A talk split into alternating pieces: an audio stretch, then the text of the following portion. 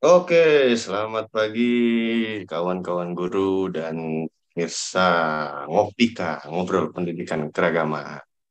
Jumpa lagi dengan saya, Abi, dan rekan saya, Mas Mulisin. Halo Mas Muslim, Halo, Muslisin, pagi, saking Abi. bersemangat. Halo Mas Lisin. Nah, kali ini juga kita akan ditemani oleh dua orang narasumber atau teman belajar yang sangat energik nih Mas ya. Boleh kita sapa Ya. nih Mas, siapa aja nih Mas? Oke, selamat pagi teman-teman semuanya. Selamat pagi Pak Komar, selamat pagi Bu Umami. Selamat pagi. Iya, terima kasih Wilujeng sudah Enjing, Sadayana. Wilujeng Ejing Pak Komar, Bu Umami, selamat pagi sudah menyempatkan hadir di kesempatan pada pagi hari ini. Saya nih hari ini spesial nih eh, teman-teman karena saya masih di kampung. Jadi suasananya Waduh. masih suasana Lebaran. Jadi saya ucapkan selamat Lebaran, selamat Idul Fitri buat teman-teman yang merayakan. Oke, Mas Abi, kita mau ngapain hari ini, Mas Abi? Aduh, kita kasih bocoran dulu kali Mas ya. Nggak seru nih kalau misalnya langsung kita kasih tahu mau ngapain nih Mas. Mungkin sedikit bocoran aja nih dari saya untuk awal ini. Jadi kita akan memaknai terkait Lebaran dan mudik dari perspektif keragaman. Seperti yang sudah tadi Mas Lisin bilang kan ya, ini Mas Lisin juga masuk dalam suasana Lebaran nih dan mungkin masih ada di kampung halaman gitu. Jadi kita hari ini akan sama-sama membahas nih terkait em, tradisi dari mudik dan Lebaran ini. Tapi mungkin kita akan melihat dari perspektif yang berbeda. Nah, apakah itu? Mungkin kita bisa langsung saja akan masuk ke episode 2 Ngopika, ngobrol pendidikan keragaman terkait memaknai lebaran dan mudik dari perspektif keragaman.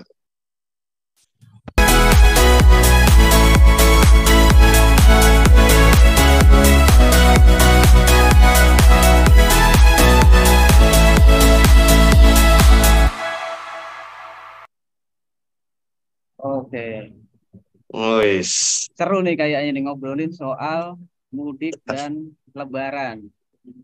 Karena ini Harus seru, menjadi Mas, ini, Mas. yang paling ditunggu-tunggu oleh teman-teman, eh, teman-teman yang beragama Muslim ya. Setelah satu bulan lamanya berpuasa, tiba saatnya kepada momen Idul Fitri.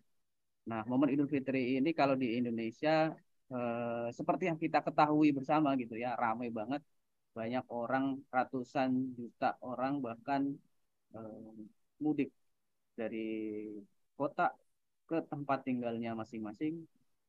Secara secara lahiriah seperti itu, tetapi kita nanti akan mengulik makna lebih dalam. Sebenarnya apa sih makna mudik? Sebenarnya apa sih makna Lebaran gitu ya? Nah, bersama kita sudah hadir dua guru teman belajar yang akan sama-sama berbagi pada kesempatan pagi ini. Ada Pak Komar, guru eh, geografi di SMA Alizar Pondok Labu, dan juga Ibu Irma Tri Umami, guru sejarah di SMA Negeri 1 Ponggok, Blitar, Jawa Timur. Begitu Mas Abi. Oke, langsung waduh, aja ya. seru Mas nih ya ya. kayaknya nih, awalnya nih. Oke, oke Mas. Mungkin sebelum kita mulai, kita mungkin eh, bisa kasih panggung dulu nih ke dua teman belajar kita nih. Mungkin ada sepatah, dua patah, tiga patah lah, patah-patah lah pokoknya lah. Terserah nih kita kasih kesempatan untuk Pak Komar dan Bu Umam ini untuk menyapa mungkin dari sobat kawan guru ini. Silakan mungkin dari siapa nih, Pak Komar atau Bu Umami dulu nih. Mi dulu yang jauh. Oke, silakan Bu Umami. Terima kasih. Assalamualaikum warahmatullahi wabarakatuh. Waalaikumsalam. Selamat pagi eh, kawan-kawan guru. Minal aizin wal faizin, mohon maaf lahir dan batin. Di sini salamnya langsung dari Blitar ya, Blitar Kabupaten. Jadi perbatasan antara Blitar dengan Tulungagung dan Blitar dengan Kediri. Jadi pinggiran-pinggiran gitu. Eh, sebelumnya eh, perkenalkan nama saya Irma Tri Umami. Saya ini guru pendidikan agama Islam, Mas Desin, bukan sejarah ya. Oh maaf ya, lupa Iya. eh, agama Islam. Iya, dan em, di sini sebagai guru agama di sekolah yang sangat beragam ya, karena memang dalam satu sekolah itu eh, ada agam, eh, hampir lima, lima agama itu semuanya ada dan di situ sangat beragam sekali, ada tantangannya sendiri dan eh, itu ya yang kemudian sangat apa namanya eh, memberikan semangat kepada saya untuk belajar lebih jauh tentang beragam, keberagaman itu seperti apa dan tepatnya adalah di Yayasan Guru ini. Oke, terima kasih Bu Umami. Kemudian saya persilakan selanjutnya ke Pak Komar. Panggilnya jangan Pak dong, biar apa, apa ini? gitu. Bang Haji ke apa gitu. Wah.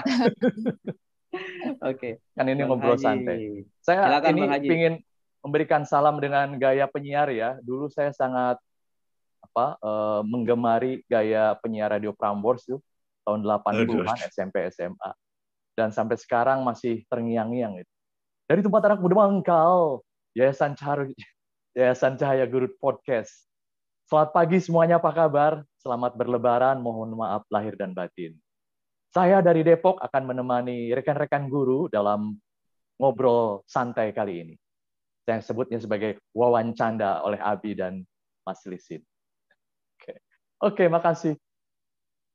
Ya. Keren banget ya emang Mas Lisin nih ya. Emang ada bakat penyiar nih kayaknya nih Pak Komar nih Mas. Suaranya empuk nih. Jangan-jangan malah lebih empuk dari suara saya nih. Suara saya cempreng ya. Iya bagus banget emang nih suara Pak Komar ya. Cocok lah di angkatan 80-an lah Mas ya.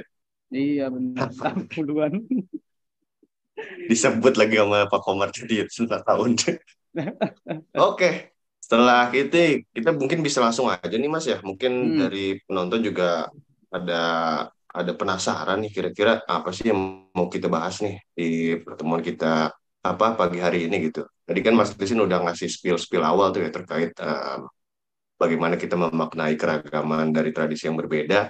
Namun kali ini kita akan melihat eh, dari kegiatan tradisi atau eh, suatu hal yang mungkin dilakukan oleh masyarakat pada kebanyakan yaitu eh, mudik pada saat Lebaran nih Mas ya. Nah mungkin em, kita mungkin bisa langsung aja nih em, ada sedikit pertanyaan yang mungkin kita bisa tanyakan ya Mas ya ke Iya. kawan-kawan guru. Mungkin em, dari Mas Lisin dulu nih ada pertanyaan apa nih Mas yang bisa ditanyakan Mas mungkin? Kalau saya begini ya, eh, kita sebagai Hmm. seorang guru, sebagai seorang pendidik itu kan eh, ada momen-momen yang bisa kita jadikan sebagai pembelajaran, baik sebagai guru maupun nanti akan kita sampaikan kepada para siswa. Nah, momen mudik dan momen Lebaran ini kan juga momen yang sangat bisa kita gunakan untuk mengenalkan eh, nilai-nilai pendidikan karakter atau nilai-nilai keragaman kepada peserta didik atau kepada murid-murid kita. Nah, yang pertama mungkin saya tertarik menggali pengalaman Pak Komar dan Bu Umami gitu ya. Seperti apa sih momen mudik yang dilakukan oleh Pak Komar dan Bu Umami? Terus kemudian menurut eh, Pak Komar dan Bu Umami juga apa sih maknanya gitu ya?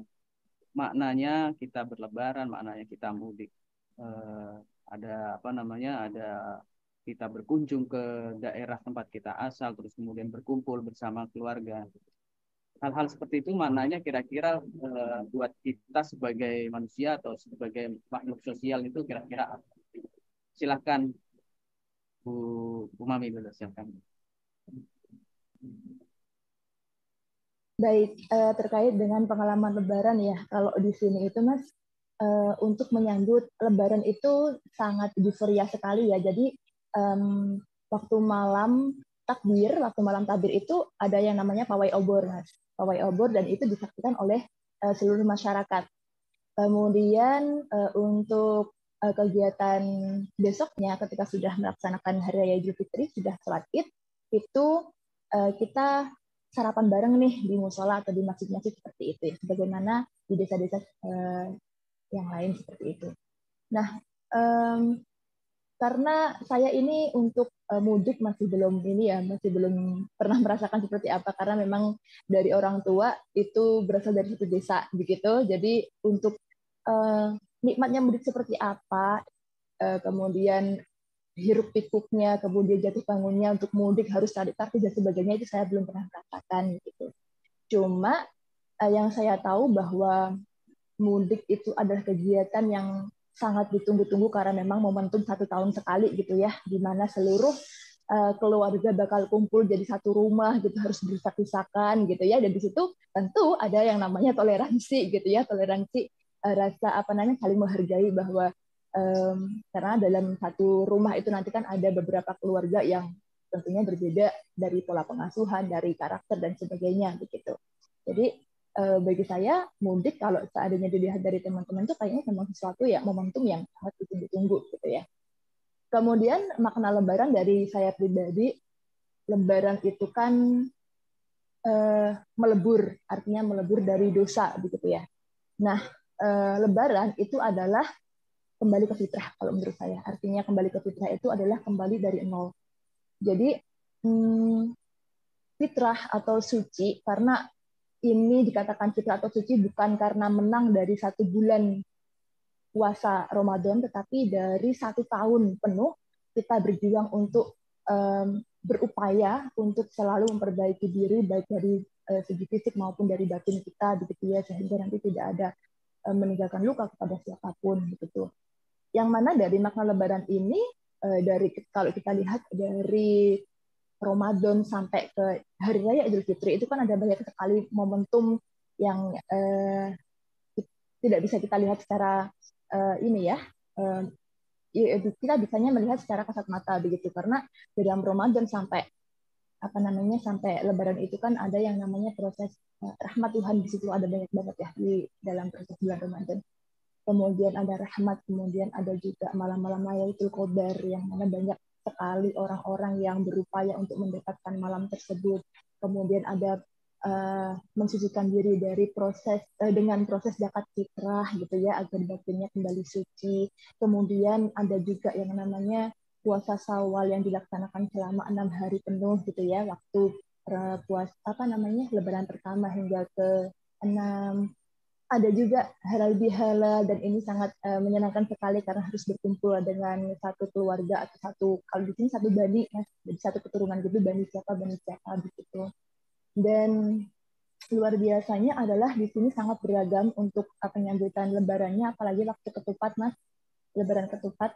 Jadi kami di sini, kalau di desa saya yang kemarin baru kami laksanakan adalah eh, kita melaksanakan lebaran ketupat itu dua kali, Mas. Jadi lebaran ketupat yang dilaksanakan oleh umum, umum itu artinya bukan hanya dari masyarakat muslim aja, tetapi seluruh agama, seluruh eh, apa namanya kepercayaan itu boleh gabung Kemudian yang satunya lagi dilaksanakan hanya untuk kaum muslim yang ada di musola gitu. Nah, dan ini serunya adalah kegiatan yang umum ini diinisiasinya oleh para pemuda, Mas. Jadi para pemuda itu meminta kepada eh, lingkungan gitu ya, kita jadi kayak ada apa iuran gitu, Mas, untuk lingkungan nanti yang boleh itu berupa sembako, boleh itu berupa uang dan sebagainya dikumpulkan dan kemudian hasil dari uh, iuran tersebut kemudian kita kayak menggelar sebuah pesta ketupat gitu dan pesta ketupatnya itu ada di perempatan yang mana perempatannya itu dilewati oleh jalan-jalan besar. Jadi siapa pun yang lewat melalui jalan-jalan besar tersebut itu dipersilahkan untuk mampir makan ketupat gitu. Dan itu sangat luar biasa sekali sampai jam 11 malam pun masih banyak orang yang datang gitu. Dan itu kita nggak tahu siapa dia gitu ya karena memang untuk umum gitu. Baru yang kedua ini adalah untuk kaum muslim aja dan yang dilaksanakan waktu hmm, selesai sholat maghrib gitu jadi kayak ada selamatan ada genduri gitu yang dilaksanakan uh, untuk bagi-bagi apa namanya ketupat dan makan bareng di sana jadi Bu, Bu Mami, yang ngambil makanan itu boleh dari kalangan siapa pun, baik muslim maupun non muslim. Iya benar. Jadi yang boleh ngambil makanan itu adalah siapa pun yang lewat gitu mas. Jadi dipersilakan buat mampir buat makan ketupat tersebut. Jadi kita nggak tahu tuh dia siapa, dia agamanya apa, dia dari mana. Pokoknya siapa pun boleh lewat, eh boleh boleh mampir, boleh makan gitu. Hmm. Dan Ini itu salah satu bukan hanya menarik ya. Benar, dan ini bukan hanya satu pos aja, Mas. Jadi ada beberapa pos di setiap perempatan yang eh, melaksanakan agenda yang sama, begitu. Dan itu nanti uh, ada yang ada orkesnya juga, gitu ya, ada penyanyi-penyanyinya hmm. juga, sebagainya kayak gitu. Jadi meriah banget, gitu. Apalagi hmm. kalau malamnya ada pawai obornya itu sangat luar biasa. Hmm, menarik sekali. Nah, kebetulan Bu Mami saya juga bertanya-tanya ini soal makna Lebaran ya. Biasanya itu anak-anak saya tuh sering tanya itu biasa di TV kan saatnya menuju kemenangan gitu ya. Ada slogan kayak gitu tuh lebaran yeah, Yeah. Anak saya yang kecil itu Kenzi namanya. Itu dia tanya, emangnya kita menang melawan siapa gitu. Nah, lebaran ini emangnya kita perang melawan siapa sih gitu ya. Kok apa namanya merayakan kemenangan gitu. Yang kalah siapa kemudian gitu. Nah, kira-kira gimana Bu? Saya jawabnya ke anak saya Bu. Oke. Okay uh, kalau dari eh, perspektif, saya pribadi itu karena kita sudah uh, menang melawan diri kita sendiri, Mas. Jadi kalau uh, hari raya Kupat misalkan, nah Kupat itu kan sebenarnya ada filosofinya ya. Jadi Kupat itu nasi, nasi putih itu digambarkan sebagai sebuah nafsu. Kemudian janur, janur itu jati nur. Itu artinya adalah hati nurani gitu. Jadi yang mana hati nurani itu bisa melawan hawa nafsu yang ada di dalam uh, bungkusannya itu yaitu ketupat itu. Nah, jadi menang melawan siapa? Kalau saya pribadi ya karena menang melawan diri sendiri gitu ya. Karena bagaimanapun manusia tempatnya nafsu gitu kan. Um, menangnya adalah ya karena memang pada hari raya Idul Fitri itu pasti ada yang namanya momen kita saling memaafkan. Ada uh, momen uh, halal bihalal dan sebagainya. Dan uh, menurut saya pribadi, barang siapa yang berani buat uh, berani buat memaafkan dan berani untuk mengakui kesalahan itu udah menang banget sih menurut aku Nah, saya sudah mendapatkan jawabannya yang benar nih berarti ya. ya. Menang bukan berarti kita melawan musuh tertentu ya, hmm. tapi menang uh, terhadap ego ya, terhadap ego atau terhadap diri kita sendiri, melawan kemalasan gitu ya, melawan rasa amarah kita gitu ya. Selama bulan puasa kita eh, apa namanya tidak makan menahan gitu iya. menahan diri dan lain sebagainya. Oh iya ya betul juga ya. Ternyata itu uh, makna kemenangan yang uh, dalam Idul Fitri. Mas Lisin, iya. Aduh, ini ada salah satu poin menarik nih terkait kemenangan nih. Terutama tadi kan Bu Umami menyampaikan ya kemenangan kemenangan apa sih yang kita dapatkan gitu. Tapi um, tadi sudah dijawab ya dan sudah kita dapatkan jawabannya bersama-sama bahwa kemenangan atas diri sendiri dan memang itu saya benar-benar rasakan sih Mas. Jadi ini sekedar apa cerita aja nih kita di sini ya sharing ya. Jadi bagaimana pada saat puasa itu benar-benar kita um, menahan nafsu gitu ya, baik dari segi tadi uh, hawa nafsu uh, lapar maupun hal hal-hal lain lah yang membatalkan puasa gitu. Jadi memang um, Lebaran itu sangat-sangat berarti ya. Maksudnya ya memang mempunyai banyak makna dan bagaimana kita memaknainya itu sangat penting gitu Mas Lisin dan um, saya saya mengakui sih gitu. Jadi um, gimana susahnya gitu melawan diri sendiri. Karena memang um, musuh terberat ya itu diri sendiri gitu loh. Jadi um, walaupun kita udah puasa nih selama sebulan penuh kalau misalnya nanti pada akhirnya setelah Lebaran kita balik lagi ke apa yang dulu pernah kita lakukan gitu yang jelek-jelek itu kayaknya sih um, sama aja bohong gitu ya mas ya. Maksudnya um, ya kita percuma gitu kita cuma bisa melawan apa namanya hawa nafsu kita selama sebulan tapi sebelas bulan lainnya gitu kita kembali lagi ke hal-hal buruk yang kita lakukan gitu sama halnya misalnya gini nih sih pernah dengar cerita gitu. Jadi puasa nih kita udah nurunin berat badan nih 5 kilo nih. Pas lebaran gitu baru sehari dua hari makan ketupat makan opor. Eh malah nambah 10 jadi kan kita istilahnya minus lima tuh mas. Jadi kayak percuma gitu kita udah puasa sebulan penuh kita udah ngurang-ngurangin dosa dalam hal ini kita ngurangin berat badan. Tapi pada saat setelah itu kita balik lagi dan malah mungkin ya malah bertambah gitu sih mas jadi ini salah satu insight yang menarik dari Bu Irma Mami terima kasih banyak Bu Mami Mungkin bisa lanjut nih Mas Lis nih, ada satu lagi nih. Ya, terima kasih uh, Mas Adi. Sekarang kita ke Bang Haji nih. Nah, Bang Haji sebagai guru geografi ini yang punya apa namanya punya pemahaman soal geografis yang mumpuni lah ya. Kita melihat ada kurang lebih sekitar 100 juta orang lebih di Indonesia ini mudik ada yang dari kota ke desa ataupun juga uh, dari kota ke kota dan sebagainya. Nah, momen ini juga menjadi refleksi ya buat kita bersama gitu. Secara lahiriah memang kita berbondong-bondong nih apa namanya hijrah secara fisik gitu ya mudik ke satu daerah ke daerah yang lain. Kira-kira maknanya apa sih ya? Jangan-jangan kita hanya sibuk aja di jalan macet-macetan tanpa ada pemaknaan. Gitu. Kira-kira maknanya apa nih? Bang Haji. Oke, makasih Mas Lesin. Obrolan panjang tadi, saya menangkap dua kata kunci ya, yaitu kemenangan dan mudik ya kurang lebih, atau pulang mungkin istilah lain. Saya ingin mengilustrasikan gini mungkin. kalau suatu saat Mas Lisin ditugaskan oleh lembaga ya, eh, seminar atau apa pun lah, menginap di hotel mewah, mungkin satu malamnya bisa di atas satu juta. Dan semua fasilitas ada, mulai dari fasilitas kamar mandi yang mewah, olahraga, makan juga dilayani, dan sebagainya. Kira-kira ada keinginan atau hasrat untuk terus stay nggak di situ? Dibayari katakanlah oleh oleh pihak lain? Lama-lama bosan juga sih Pak. Bosan ya. Ada keinginan iya, apa biasanya? Balik ke rumah dong, kembali pulang ke ya? keluarga. Ya. Sebenarnya pulang atau bahasa lain dalam konteks Lebaran mudik itu naluriah sekali. Jadi ada kerinduan bagi setiap kita untuk kembali ke asal usul kita, baik asal usul geografis maupun asal usul primordial. Agak agak ini nih mulai tensi mulai tinggi. Asal usul primordial itu apa ya? Bahasa sederhananya. Asal usul hakiki lah. Jadi ada kerinduan ketika kita melakukan apa pun ya eh, untuk pulang suatu saat akan pulang.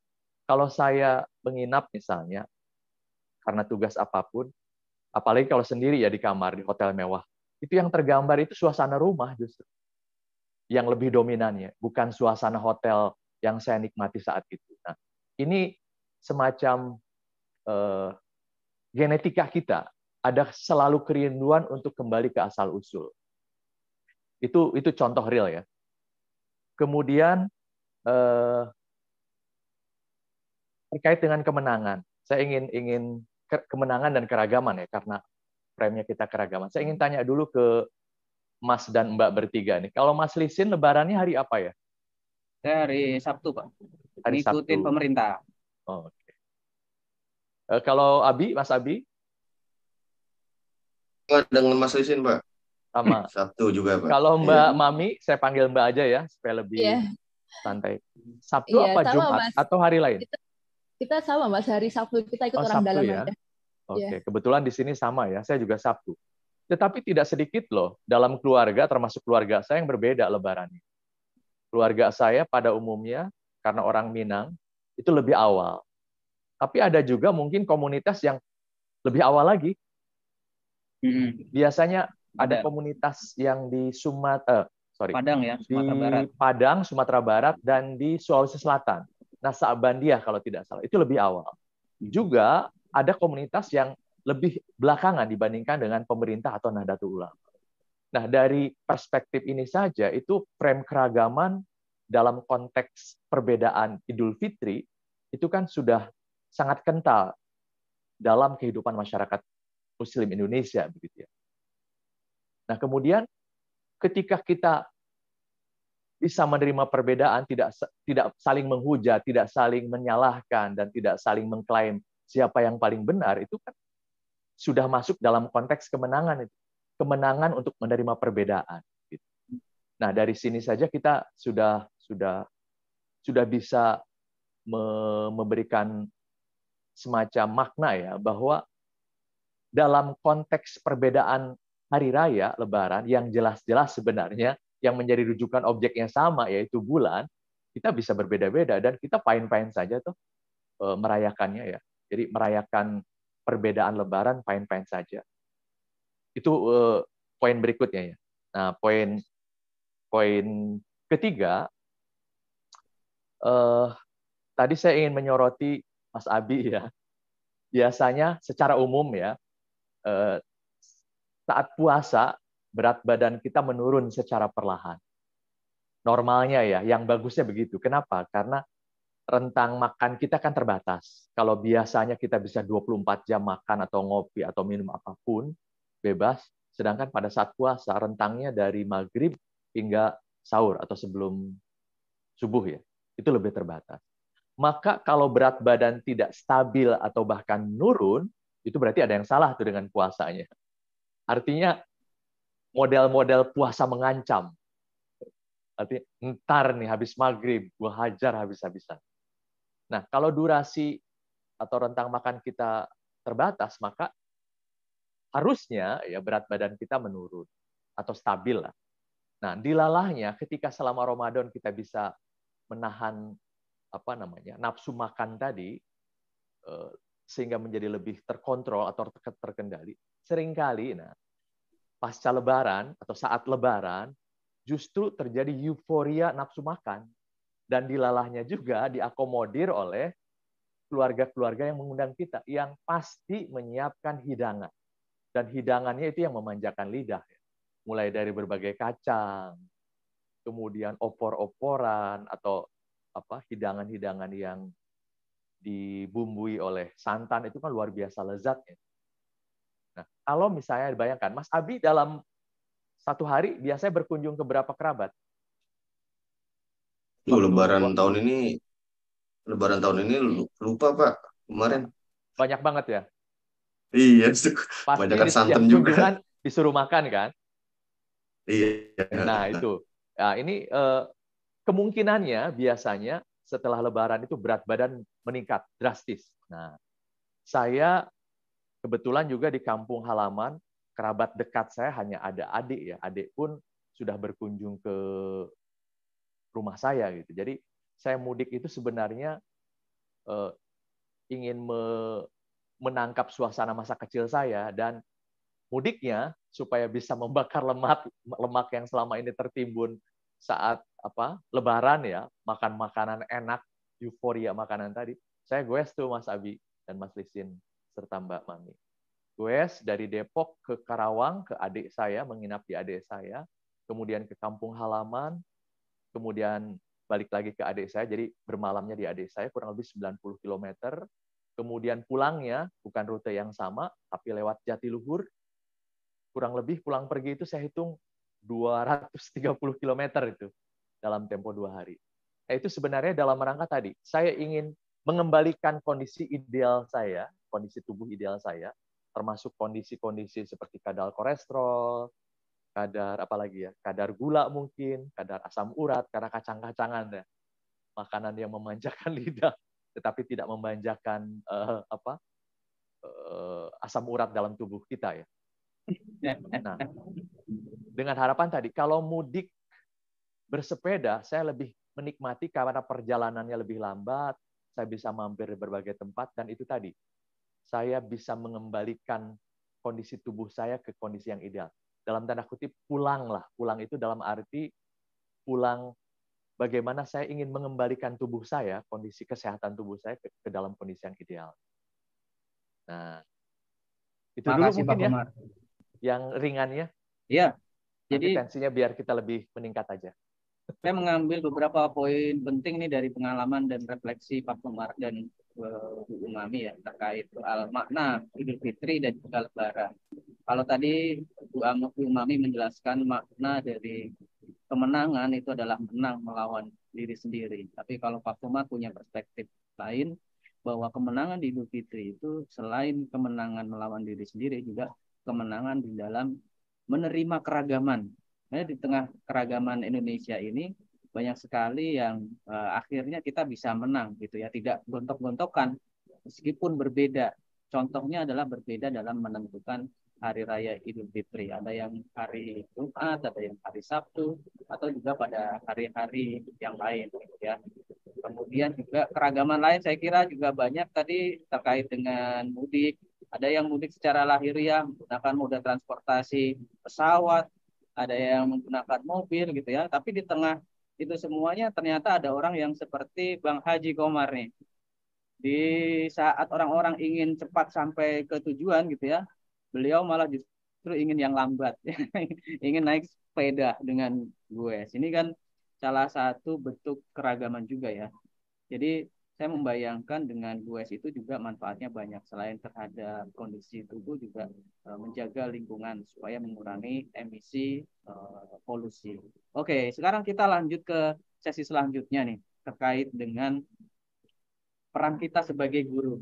Jadi sebagai guru kita juga punya kewajiban untuk menyampaikan nilai-nilai ya pendidikan atau karakter kira-kira dari momen Idul Fitri dan juga Lebaran ini karakter apa yang bisa kita tumbuhkan ke murid-murid kita.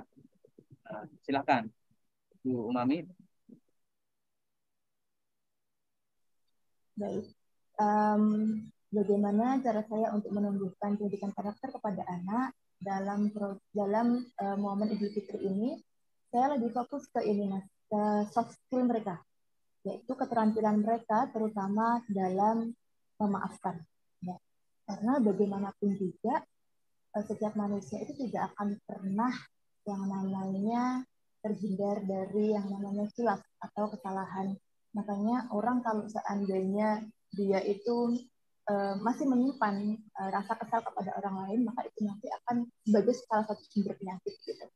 Makanya di sini yang namanya hidup itu kan bukan melulu tentang ibadah ritual ya, tetapi juga uh, secara sosial kita juga harus uh, apa namanya ditingkatkan gitu. Dan di sinilah uh, secara sosial pendidikan karakter itu saya tanamkan kepada anak-anak bahwa bagaimanapun kalian harus terampil dalam memaafkan dan terampil pula dalam minta maaf. Kenapa? Karena dalam memaafkan itu sesungguhnya akan mengurangi beban kalian.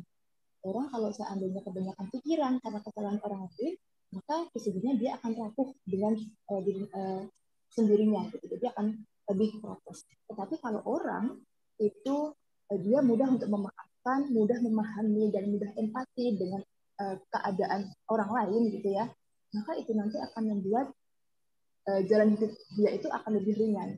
Karena bagaimanapun juga yang namanya kesalahan orang lain itu adalah bagian dari siklus kehidupan kita yang harus kita hadapi. Kita nggak bisa menghindar dari itu. Makanya terampil untuk mengasah soft skill mereka dalam memaafkan dan meminta maaf itu yang saya um, tanamkan kepada peserta didik. Kemarin banyak sekali murid-murid uh, saya yang berkunjung di rumah saya sekalipun. Uh, jadi sebenarnya rumah uh, rumah saya itu jarak dari sekolah itu kisaran satu jam mas jadi jauh banget ya jadi uh, kalau sekolah saya perbatasan Blitar sama Kediri kalau rumah saya itu Blitar Tulungagung jadi hampir satu jam dan di situ uh, teman uh, uh, nanti maksudnya bermurid saya itu kemudian banyak sekali yang datang ke rumah saya gitu ya mereka minta maaf dan sebagainya dan itu adalah salah satu apa ya um, pendidikan karakter yang ingin saya tunjukkan kepada mereka bahwa mari kita saling memaafkan, mari kita saling meminta maaf karena berani untuk meminta maaf aja itu sudah sangat biasa. Baik, terima kasih Bu. Soal kerendahan hati ya, mau untuk meminta maaf dan juga mau untuk memberikan maaf.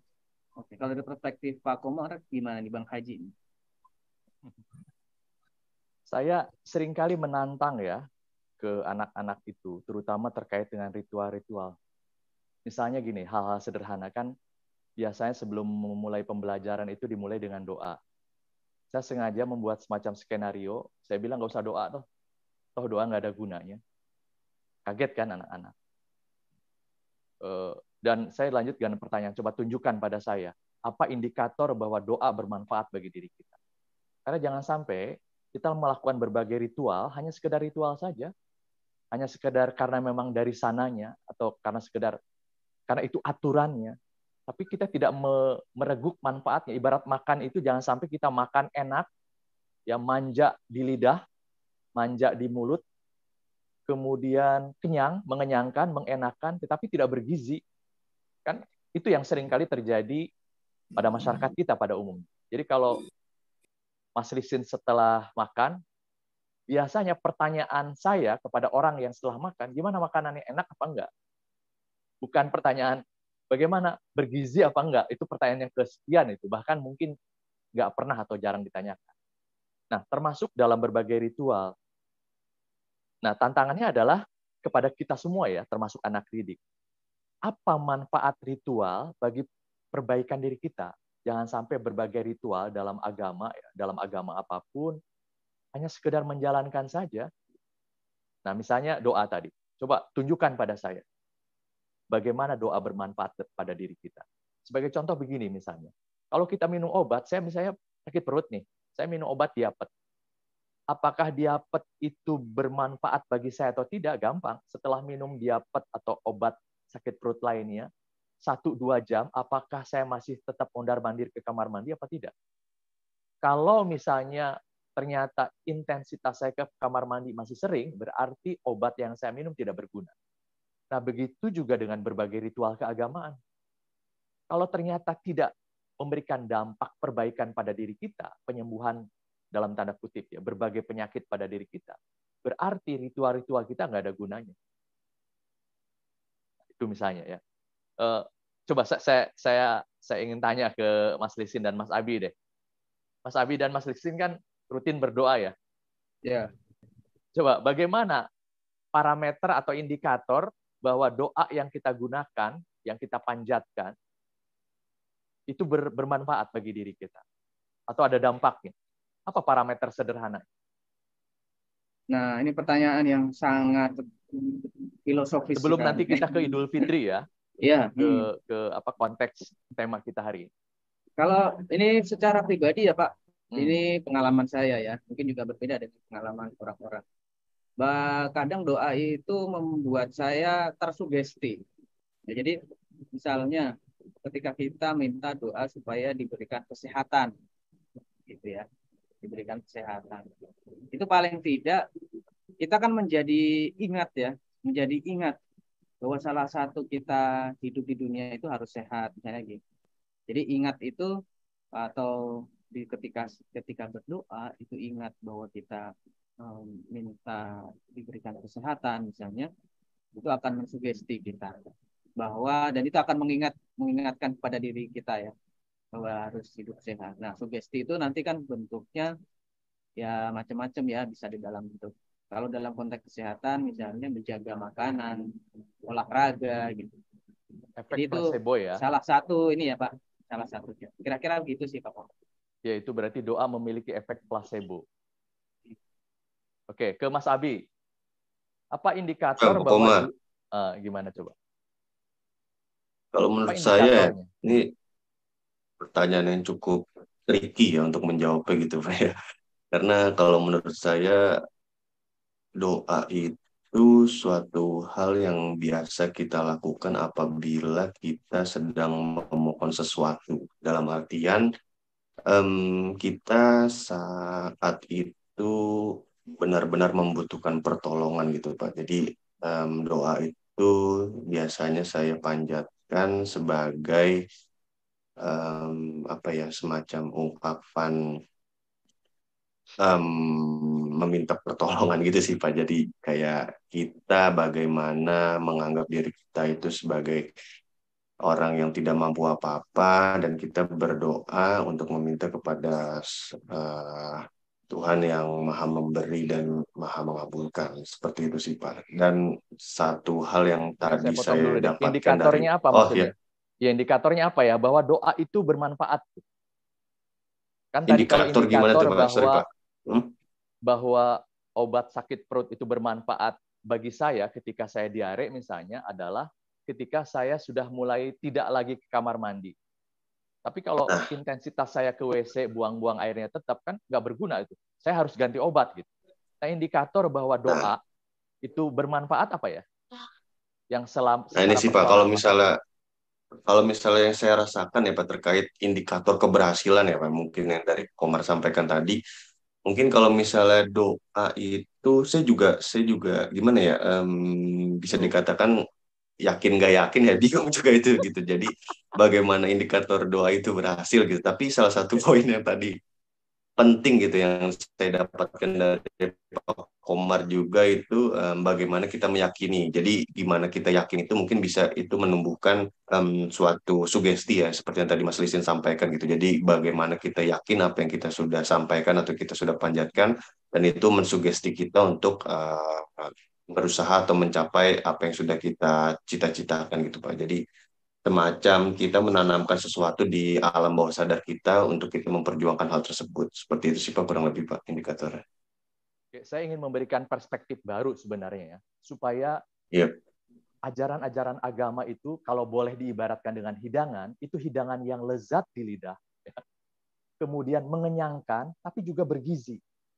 Jangan sampai berbagai ritual keagamaan yang kita lakukan hanya lezat di mulut atau di lidah, memanjakan lidah, mengenyangkan tapi tidak bergizi. Nah, sederhana sebenarnya untuk mengukur indikator doa. Ya. Ke Abi ya, ini simulasi ya. Kalau saya Pak katakan ke mic-nya tolong dideketin sedikit. Oh. Kalau Nah, saya ya. katakan ke Abi dengan kasar ya, tolol kamu. Kira-kira apa respon Mas Abi? Gimana ya? Ya marah sedikit sih Pak. Marah ya?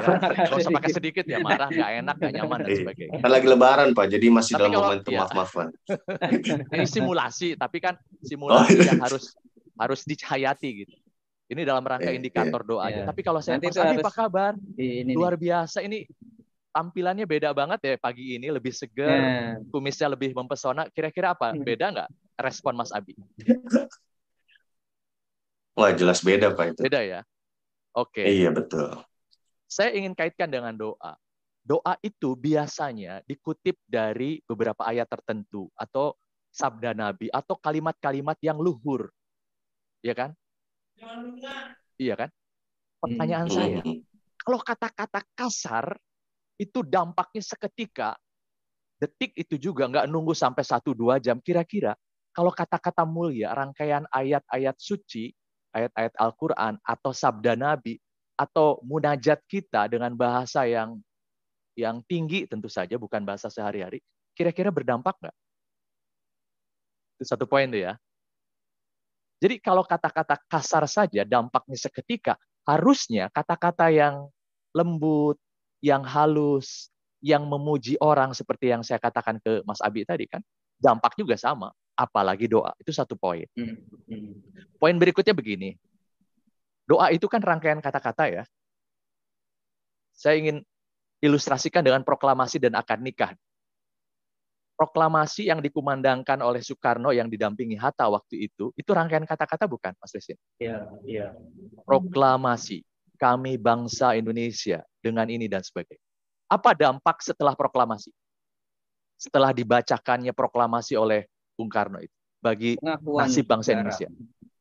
Langsung bertolak belakang kan, dari sebelumnya bangsa Indonesia menjadi bangsa terjajah, langsung saat itu juga menjadi bangsa yang merdeka, berdaulat terhadap rakyat dan bangsanya sendiri. Nah, bagaimana dengan doa? Doa juga sama, rangkaian kata-kata. Itu satu poin. Misalnya lagi, akad nikah. Kalau Mas Lisin, Mas Abi, dan siapa Mbak Mami ya, eh, pernah menyaksikan orang mengucapkan akad nikah, itu kan rangkaian kata-kata. Saya terima kawin dan nikahnya dan Hmm. seterusnya. Itu dampaknya apa yang terjadi? Pengakuan. Dampaknya saat itu juga sesuatu yang tadinya hubungan itu dianggap haram, kalau misalnya Mas Lisin dengan mantan pacar dulu haram tuh sebelum akad nikah, maka setelah nikah berubah itu. Hubungan berdua-duaan bahkan di kamar bernilai ibadah. Nah, karena doa juga merupakan rangkaian kata-kata seperti eh, naskah proklamasi dan eh, ijab kabul dalam pernikahan tadi, maka dampaknya sedikit atau banyak diakui atau tidak, disadari atau tidak, juga akan akan seperti itu kurang lebih. Jadi Hmm. dalam beragama tantangannya adalah bagaimana kita membuktikan secara empiris dan rasional. Sehingga Hmm. tadi kita beragama itu mengandung gizi, mengandung gizi yang dibutuhkan dalam kehidupan, bukan sekedar menjalani ritual. Nah, ini yang Hmm. sering saya tanamkan kepada anak-anak didik kita untuk apa sih manfaatnya berbagai aktivitas bukan hanya ritual keagamaan ya, bagi perbaikan diri kita. Iya. Kalau aktivitas sehari-hari kita tidak berdampak perbaikan pada diri kita, buat apa dilakukan lagi? Termasuk Ya. ritual, doa, sholat, sholat juga rangkaian doa, puasa, idul fitri dan sebagainya. Jadi kalau misalnya pasca puasa Ramadan selama satu bulan kita digembleng, kemudian kita euforia hari kemenangan, kemudian tidak berdampak pada perbaikan diri anak-anak dan para guru tentu saja, atau sivitas akademik lainnya. Terus bu, apa manfaatnya puasa dan Idul Fitri itu? Jangan-jangan Hmm. puasa dan Idul Fitri itu seperti makanan yang begitu lezat, kemudian mengenyangkan, membuat kita puas, tapi nggak bergizi. Sebenarnya sampah bagi tubuh. Jangan sampai Hmm. cara kita beragama menjadi sampah bagi kehidupan. Tidak sedikit Hmm. loh cara Hmm. beragama tertentu ya, bukannya membuat kehidupan menjadi lebih baik, menjadi lebih harmonis, tapi justru menjadi tadi sesuatu yang sangat apa kita khawatirkan, kita kita apa ya, kita hindari. Gitu. Iya. Nah, Kurang ini nih. Saya suka nih pandangan-pandangan kritis seperti ini nih. Mengkritisi apa namanya ya eh, pola ya, pola kehidupan kita, baik dari sisi sosial maupun dari segi spiritual. Jadi kalau saya ambil ya beberapa poin penting dari Pak Komar adalah sebenarnya lebaran mudik gitu ya yang heboh ini gitu yang sangat euforia itu kira-kira dampaknya apa buat kehidupan.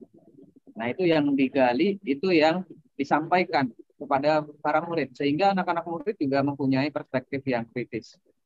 Selain tadi Bu Umami menyampaikan bahwa memang di dalam Idul Fitri itu ada nilai-nilai kerendahan hati ya ada nilai-nilai untuk mau memaafkan dan mau memberikan maaf terhadap orang lain. Itu dari segi perspektif personal tapi dari segi sosial lingkungan nah tadi yang disampaikan oleh Bang Haji saya kira itu juga menarik sekali untuk bisa dijadikan sebagai uh, pembelajaran bersama. Murid-murid dikasih tugas murid-murid dikasih untuk berpikir secara kritis. Dampaknya apa? Misalnya ketika ada ribuan bahkan jutaan kendaraan mobil gitu ya yang berbondong-bondong dari kota ke desa menempuh jarak ratusan kilometer berapa BBM subsidi yang dihabiskan terus kemudian berapa polusi yang dihasilkan jadi itu termasuk adalah eh, dampak-dampak uh, lain ya dari uh, mudik ataupun dari lebaran yang kita lakukan ini menjadi analisis yang menurut saya uh, menarik untuk dilakukan oleh siswa-siswi kita. Nah, selanjutnya ini terkait dengan uh, pendidikan keragaman dan harapan kita di masa depan. Ya. Tadi Pak Komar dan Bu Mami sudah menyampaikan juga bahwa ada beberapa nilai penting yang bisa kita ajarkan kepada siswa-siswi kita termasuk adalah bagaimana menumbuhkan sikap berpikir kritis terhadap anak-anak Nah, kalau terkait dengan uh, spesifik lagi adalah pendidikan keragaman nih. Kira-kira Lebaran ini dan Idul Fitri ini apa yang bisa kita ajarkan untuk mengenalkan anak-anak ke pada nilai-nilai keragaman. Kalau saya secara pribadi pengalaman Idul Fitri ini menemukan saya dengan banyak orang yang beragam. Misalnya seperti itu. Jadi saya ketemu dengan orang-orang yang lintas generasi. Mulai dari yang masih anak-anak sampai orang-orang yang sudah tua. Saya lihat obrolannya, saya amati beda-beda gitu ya. Kecenderungannya kalau misalnya sudah usia 50 tahun ke atas, yang diobrolkan itu adalah soal-soal misalnya eh, bagaimana menghadapi kolesterol, ya, terus kemudian beragam apa namanya Eh, tantangan-tantangan di usia lanjut gitu. Ketika umur 30 sampai 40 50 yang diobrolkan masih soal makanan apa nih yang enak gitu ya.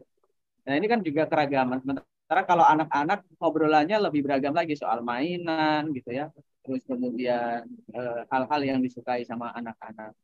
Itu membuat saya secara personal juga oh ternyata dalam setiap generasi ini muncul keragaman-keragaman yang diobrolkan oleh masyarakat kita. Nah, terkait dengan pendidikan keragaman, kira-kira apa sih yang bisa kita kaitkan dengan mudik dan lebaran? Nah, sepertinya Bu Mami eh, mengalami kendala jaringan ya. Oke, kita ke Pak Komar. Sekaligus juga nanti bisa dikasih harapan ke depan kira-kira eh, bagaimana Pak supaya mudik kita bisa lebih bermanfaat dan lebih bermakna. Baik, eh, kalau saya sih kalau kita eh, apa namanya memulai dari titik Lebaran ini, hampir tiap tahun ya terjadi perbedaan Lebaran, momen maksudnya. Padahal lagi-lagi objek yang menentukan Lebaran atau tidak itu sama bulan dan bulan hmm. itu relatif jaraknya cukup dekat ya dengan bumi. Jadi eh, objek ruang angkasa yang paling dekat dengan bumi ya bulan, kurang lebih 400 hmm. ribu kilometer. Nah, mau dalam Lebaran umat Islam bisa bertoleransi bahkan merayakan perbedaan, kenapa dalam aspek-aspek lain tidak? Jadi, jadi eh, perbedaan Lebaran ini bisa kita jadikan sebagai trigger, titik awal. Hmm. untuk kita kembangkan radiusnya ke berbagai dimensi dalam kehidupan kita, baik dalam kehidupan beragama, kehidupan sosial, bahkan kehidupan politik. Jadi kenapa dalam perbedaan lebaran kita tidak terjadi gontok-gontokan, tidak terjadi saling menyalahkan, tidak terjadi bahkan mengkafirkan kan saya belum pernah ada tuh mendengar bahwa yang lebarannya hari Sabtu kafir misalnya atau hari Senin atau hari apa pun ya di luar hari Jumat kafir nggak ada tuh. Nah, kalau dalam dalam momen lebaran kita begitu terbuka terhadap perbedaan dan bahkan merayakannya. Kenapa dalam aspek-aspek lain kita tidak bisa? Jadi mari kita sama-sama jadikan momentum lebaran yang hampir ya, tidak selalu sih, hampir tiap tahun berbeda, kita jadikan untuk uh, cermin kita dan kita kembangkan untuk merayakan perbedaan dalam berbagai aspek kehidupan. Baru lebaran kita bermakna. Tanpa itu maka puasa dan lebaran mirip seperti yang saya katakan tadi. Hidangan yang mengenyangkan dan sangat lezat tapi tidak bergizi bagi kehidupan. Lagi-lagi kan tidak ingin kita beragama, agama apa pun ya, termasuk agama Islam yang dianut oleh kurang lebih 85% masyarakat Indonesia, menjadi agama yang tidak bergizi, yang hanya memanjakan lidah, menambah kolesterol, menambah asam urat, kadar gula, dan sebagainya. Bahkan meracuni tubuh. Jadi kita tidak ingin agama yang kita anut adalah agama yang meracuni kehidupan kita. Itu mungkin dari saya. Oke. Kalau dari Bu Umami ini bagaimana Bu kira-kira kaitan ya pembelajaran keragaman ini kita hubungkan dengan lebaran. Dan uh, satu lagi Bu harapan kira-kira supaya nanti uh, momen lebaran yang di, ma di masa yang akan datang ini bisa lebih bermakna lagi. Ya. Um, saya ingin menyampaikan kepada teman uh, kepada anak-anak saya bahwa keberagaman itu bukan sebuah ancaman keberagaman itulah yang sesungguhnya yang membuat sesuatu lebih indah. Bayangkan saja ketika kita melihat sebuah taman.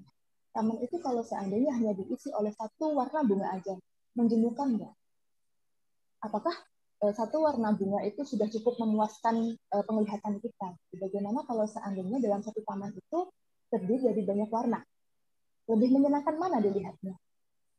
Kalau seandainya dalam satu taman itu ada banyak sekali bunga, maka bagaimana merawatnya? Dipupuk. Kalau seandainya nggak dipupuk, hasilnya apa? Nah, begitu pula dengan Indonesia. Kita kenal dengan begitu banyak keragaman yang harusnya bagaimana jadi pupuk, bukan kemudian uh, kita saling mengunggulkan ras lain, kita saling mengunggulkan agama lain dan sebagainya. Karena sesungguhnya uh, keberagaman itu sendiri adalah sunatullah. Dan keseragaman itu adalah sesuatu yang ditopis. Nah, saya ingin uh, nanti ketika saya masuk ya di hari pertama tanggal 2 Mei itu ingin menyampaikan kepada anak-anak ingin flashback terkait uh, terkait dengan uh, sedikit kasus yang terjadi sebelum Lebaran kemarin ya terkait dengan penentuan tanggal kemarin bahwa ada sedikit kasus yang dari PNS kemarin ya ya bahwa dia merendahkan golongan lain karena melaksanakan Idul Fitri terlebih dahulu begitu. Saya ingin menyadarkan kepada anak-anak kalau seandainya memang benar bahwa eh, ada ada ke, perbedaan dalam menentukan Idul Fitri, efeknya apa ke kita? Tidak ada. Jadi kalau seandainya itu tidak berefek kepada kita dan itu membuat kita tetap baik-baik saja, ngapain dipermasalahkan? Jadi um, itu yang selalu saya ingin sampaikan kepada anak-anak bahwa karena memang di dalam kelas itu juga banyak sekali anak-anak yang non muslim ya, termasuk juga Buddha di dalam kelas itu ada dan kita memang sering melakukan diskusi um, keberagaman gitu dan itu saya ingin menyampaikan bahwa beragam itu nggak nggak masalah. Beragam itu bukan sebuah ancaman bahwa beragam itu adalah sebuah keindahan gitu. jadi harapan saya nanti semoga anak-anak saya pribadi ya eh, secara saya pribadi semoga anak-anak yang saya ajarkan itu pada akhirnya mereka membuka mata bahwa eh, keberagaman itu sebuah kenyataan yang memang harus kita nikmati aja. Nggak usah nggak perlu kita merasa bahwa beragam itu sebuah ancaman. Jadi nikmati aja karena memang taman itu paling indah adalah ketika di dalamnya itu banyak warna bunga. Oke, waduh, menarik sekali nih. Uh, obrolan pagi tapi hangat dan panas. Obrolan pagi rasa siang nih ya. Iya, rasa siang nih, pesan-pesan dan juga kayaknya seperti kita mendengar dua ini ya. Kalau dari Pak Komar banyak sekali tuh kritik reflektif tuh ya. Kalau dari Bu Umami ada refleksinya secara personal, secara apa namanya eh, tadi menyebut soal keragaman itu seperti taman yang beragam bunganya. Jadi keragaman itu juga harus dirawat, harus dipupuk gitu ya. Termasuk kita sebagai guru kan juga harus memupuk eh, taman-taman keragaman itu kepada anak didik kita, kepada para murid-murid kita. Kalau tidak dipupuk, kalau tidak dipelihara, yang terjadi adalah gersang, gersang. Oke, gimana nih Mas Abi nih? Kayaknya diskusi kita pada pagi hari ini uh, masih kurang, tapi kita sudah satu jam lebih ternyata ya. Ya tidak terasa kita sudah satu jam lebih. Nggak berasa banget nih Mas ya, kayak hmm. puasa nih. Udah sebulan selesai nih juga nggak berasa nih, udah sejam nih kita udah sama-sama mengisi apa namanya pemikiran kita dengan sama-sama berdiskusi di pagi hari ini dan saya ucapkan terima kasih nih sekali lagi kepada dua teman belajar kita yaitu Pak Komar dan Bu Irma Triumami yang sudah sama-sama menyampaikan terkait pandangannya ya um, dari bagaimana kita memaknai keragaman dari tradisi yang berbeda dalam hal ini dari uh, kegiatan mudik dan lebaran. Ini salah satu um, apa namanya insight-insight baru nih mas yang mungkin saya terutama dapatkan dan mungkin uh, para penonton ya dari kawan guru yang menonton di YouTube uh, kita ini jadi salah satu uh, pandangan baru yang cukup menarik ya terkait bagaimana memaknai keragaman dari tradisi yang berbeda ya tadi dari kegiatan dan Lebaran tadi. Nah um, mungkin nih um, untuk episode-episode berikutnya kita bisa mengaitkan sesuatu hal yang mungkin secara dasar relate seperti mudik dan lebaran ini nih Mas Lisin nih. Hmm. Nanti mungkin um, apa uh, topiknya apa itu mungkin kita akan share di sosial media kita ya Mas Lisin ya. Betul betul. Ini pendengar kita nih sudah mencapai ratusan ribu nih Mas Waduh, keren banget. Ntar lagi ngalahin Prembos nih kalau kata Pak Komar tadi. Iya betul. Oke. Okay. Uh -uh.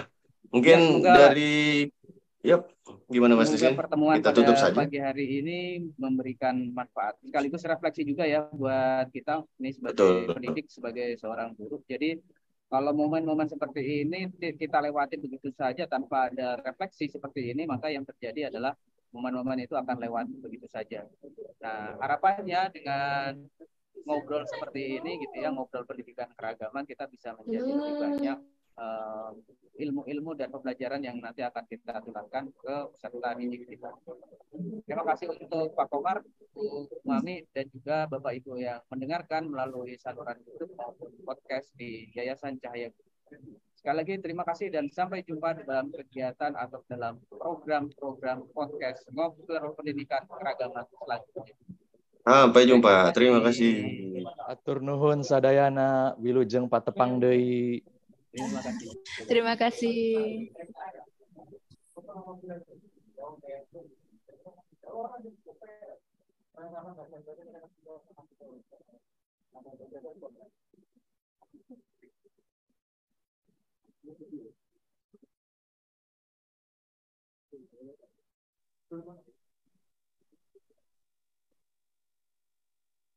Sudah selesai kan?